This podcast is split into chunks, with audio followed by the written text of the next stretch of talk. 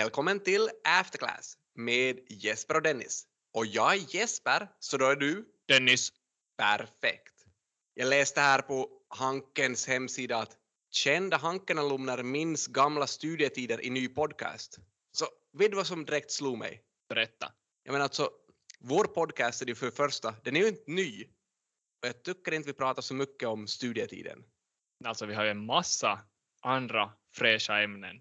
Så det måste nog ha gått någonting fel där i den här webbmasterns huvud då han eller hon skrev det där. Ja, men det är roligt att vi uppmärksammas i alla fall. Ja, det känns bra. Och vi kan väl direkt börja med ett, med ett exempel på att vi inte bara pratar om gamla studietider genom att ta upp den här hamstern, Mr Gox.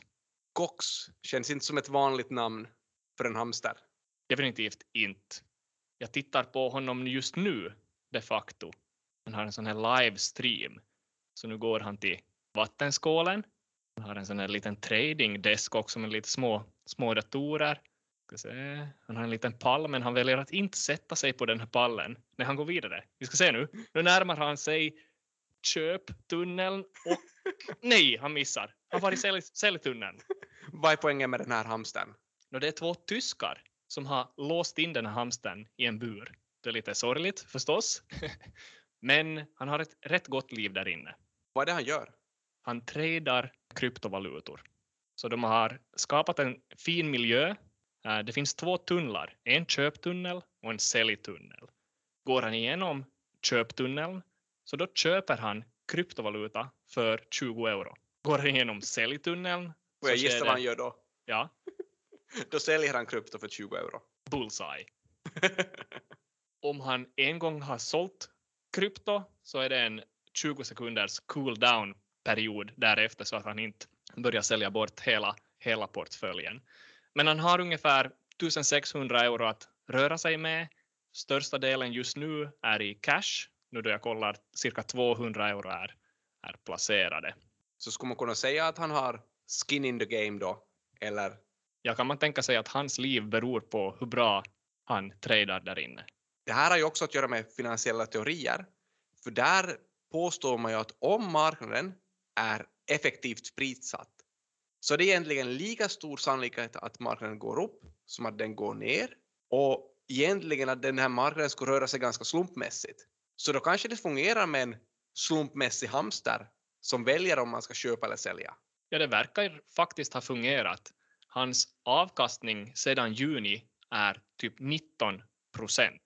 Så det är bättre avkastning än eh, oraklet från Omaha, Warren Buffett, har lyckats med exempelvis i år. Och det är bättre än aktiemarknaden också. S&P 500 plus 17 procent i år, så det måste man säga. Så man kanske måste lyfta på hatten åt den här Mr Gox. Hans namn kommer efter den här lite misslyckade handelsplatsen för, för krypto, Mount Gox. Det blev väl lite hackad eller, eller hur var det? Men de här tyskarna nu då, ska vi fundera på dem? Så de gjorde lite det här experimentet baserat på en, en gammal bok från 1973. Det var en, en professor från Princeton, den här Burton Malkiel, som hade en, en, en bok som hette A Random Walk Down Wall Street. Och i den där boken så skrev han egentligen att en apa med ögonbindel som kastar pilar på typ eh, Kauppalehtis sida där aktiekurserna finns. Så att den här apan skulle troligtvis med några pilar kunna välja ut de bästa aktierna på ett lika bra sätt som de bästa analytikerna kunde välja ut. Och således då få ungefär samma avkastning som, som dem. Jag förstår inte, varför skulle den här apan måste ha ögonbindlar? Det var väl en, en liten krydda till den där anekdoten bara.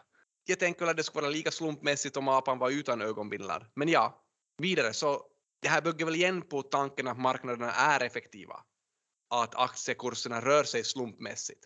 Ja, och det, det kanske blir ännu intressantare egentligen för att ett par forskare i en artikel lite på senare tid nu så säger att den här Burton hade fel. Okej, okay? så man kan förutspå aktiekurser, rörelserna. Nej, de menar att en apa är faktiskt bättre än experter. och att experterna har någon slags eh, illusion om att de är skickliga bara. Man pratar om sån här illusion of skill. Utför de studien genom att ha apor i olika burar, lika som vi hade med hamstern, och då låta de här aporna i de här burarna välja olika aktier. Nej, de här amerikaner som, som de var då, så de sa lite det skulle vara alldeles för tidsdrygt och kanske också plågsamt till viss del för de här aporna. Så de simulerade med datorkraft istället. De lät äh, eh, simulerade apor plocka 30 aktier ur ett urval av 1000 aktier och äh, de simulerade en tidsperiod också, 1964 till 2012 och kom fram till egentligen att i 96 av 100 fall så slog aporna experterna. Och det skulle vara ganska i linje med den här Nobelprisvinnaren Kahnemans idéer om att analytiker och finansiella experter inte på något sätt är immuna mot den här illusionen om skicklighet. Ja, och så är det ju nog till viss del också lite i linje med Famas hypotes om effektiva marknader. Att marknaderna beter sig ganska slumpmässigt och det är just när det finns ett stort element av slump som man ibland börjar tro att bara på grund av att man lyckas välja de här rätta aktierna så har man skicklighet trots att det ändå bara kan vara slumpen som har gjort att ens aktier har presterat väl. I dagens läge finns det ju ganska många nya typer av aktier på Kauppalehtis börssidor. Till exempel sådana här spackar. Man undrar om, om aporna skulle träffa dem med någon pil också. Jag hörde riktigt med spackarna nu för tillfället. Skulle det ha gått bra för aporna om en av pilarna skulle ha träffat just en spack? Det beror säkert på vilken spack apon skulle ha träffat. Det finns en sån här SPAC-ETF också som kanske skulle representera en portfölj. Den är minus 17 procent i år. Så då är Mr Gox en riktig vattenskålsorakel. Ja, det skulle ha gått bättre genom att bara ha S&P 500 också. Visst skulle man ha fått 17 procent då? Så sa vi ja. Så totalt sett ingen succé. Men trots det ser vi att pengar som man får in tack vare att starta SPACar bara ökar och ökar. Ja, det är ju ett riktigt stort inflöde vi pratar om. Om man kollar 2015 så var den här SPAC-inflödet 4 miljarder. I USA då 2019 13 miljarder, 2020 83 miljarder, så nu, nu sväller det. Och 2021 då hittills mer än 126 miljarder. Så det verkar faktiskt gå hem det här. I somras listades fem nordiska spackar också. En har ju gått vidare. Vi pratar om det där virala vaxspacken med Purmo som objekt. Och visst kom det i veckan en ny spack på den här finländska marknaden också? Eller åtminstone började de prata om en ny spack. Ja, det var väl den här Lifeline-spacken som var på G. Där skulle man samla ihop 100 millar, eller 100 kaniner, som man pratar om i vissa kretsar, och, och försöka hitta ett, ett objekt där också. Det här bolaget bakom spacken har tidigare investerat i Supercell i ett ganska tidigt skede, så de har tidigare gjort ganska bra affärer. Supercells Ilkka Pananen är också med i det här, så kanske om man inte hittar villiga investerare här kan man alltid ta livlinan och ringa en vän och ringa upp Ilkka och fråga kanske du kan kasta in några kaniner. Ja, det finns ju kanske en möjlighet att göra det. Själv så jag varit lite skeptisk till de här spackarna från start. Vi har ju pratat lite om den här svårigheten med att hitta ett bra uppköpsbolag. När man tänker kring finansiella innovationer så är det ofta på så sätt att för att en finansiell innovation ska få något fotfäste, som till exempel spackarna, så behöver ju innovationen lösa någon typ av transaktionskostnad eller informationsproblem. Och i spackarnas fall så är det ju så att man tänker att den här börslistningen skulle bli lättare om man listas via en SPAC. Och i USA så har ju tidigare inte privata investerare kunnat delta i börslistningar. Så det här var ju en chans att ge småspararen en möjlighet att vara med. Så okej, okay, kanske spackarna skulle ha hört till det här, fall, det här facket. Det andra facket av finansiella innovationer som får fotfäste är då finansiella innovationer som är egentligen bara komplexa till sin natur. Och tack vare den här komplexiteten blir de lite svåra att förstå som gör att storfinansen... Låt egentligen... mig gissa. Gör pengar på småspararens bekostnad. Exakt. Så hur är det då? Vilket av de här alternativen? Men från början tänkte jag att det är nummer två här, det senare. Att spackar är bara någonting som gör att storfinansen mår bra och det är synd om småsparen. Men jag har lite börjat tänka om. Jag börjar tro att jag har lite SPAC skills. Illusion of skill bara. Det får tiden utvisa. Men åtminstone har jag hittat lite forskningspapper som har forskat i det här kring SPAC avkastning. Så det är ju säkert så att den här forskningen först visar hur man kan göra avkastning och sen kan man göra avkastningen. Det är exakt så, forskningen fungerar. Det är som en instruktionsbok.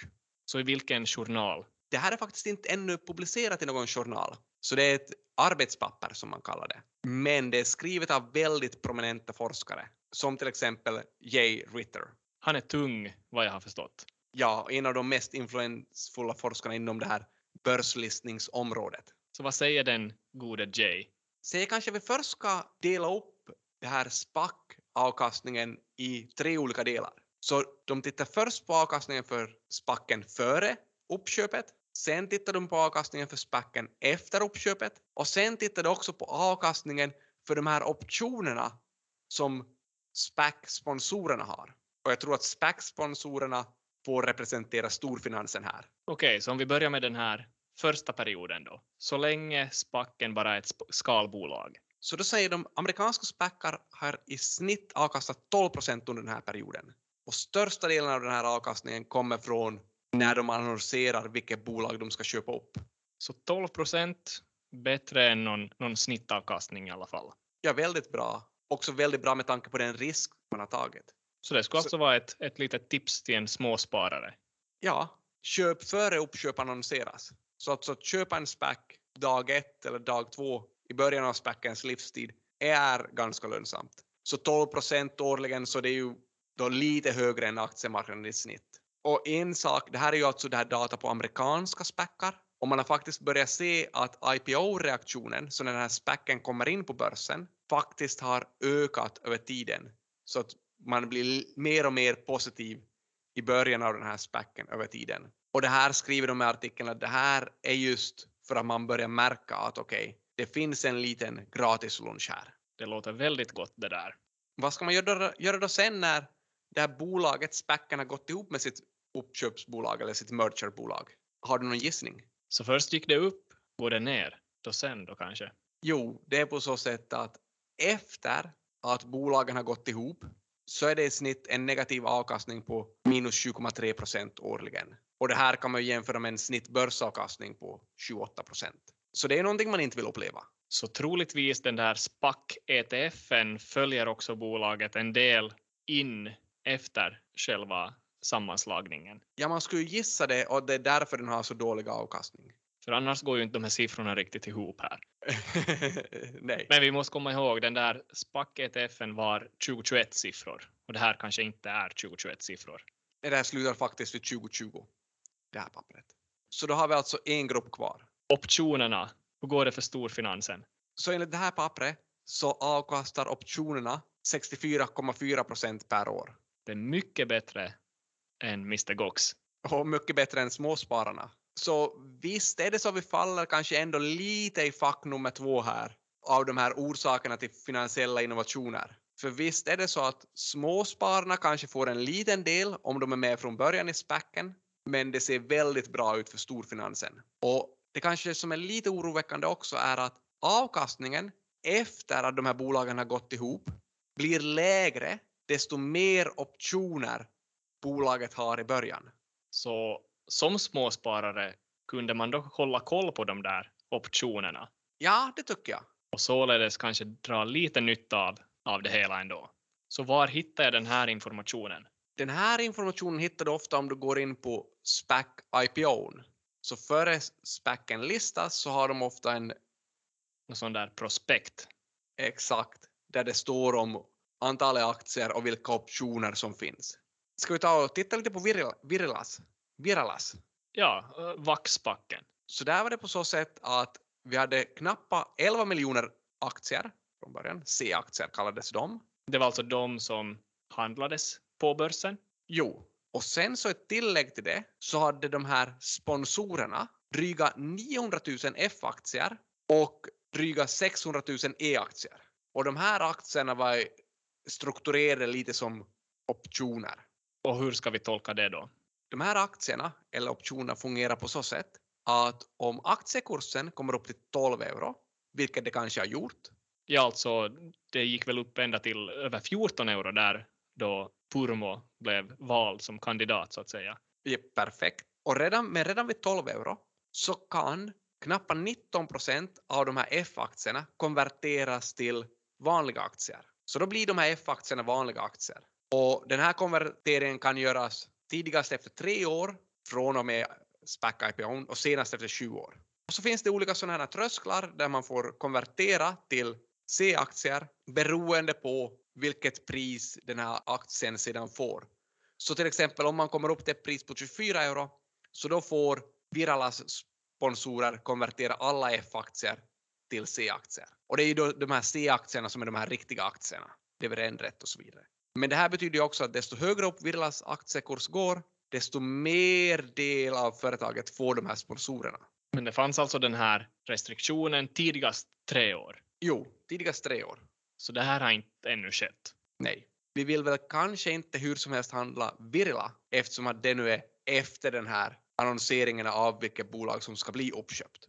I Viralas fall är optionernas andel 14,5 procent av hela kapitalet. Så om vi då tittar på någon SPAC som vi kanske skulle kunna köpa för tillfället, någon nordisk, så då hittar vi till exempel Bure, den här svenska SPACen. När man tittar på deras optioner så uppgår det bara till 12 procent av alla aktier. Så om man ska fått välja mellan Bure och Virala, vad skulle man ha valt? Är det Bure då? Det är Bure och Bure är ju inte ännu, de har ju inte ännu hittat någon. Så nu finns det en möjlighet. Oraklet har talat. Ja, men det finns nog lite risk här för att det är illusion of skill. Tiden måste få utvisa det där. Och vi gör väl som vanligt då istället bara att vi fortsätter nästa vecka med nya insikter i After Class.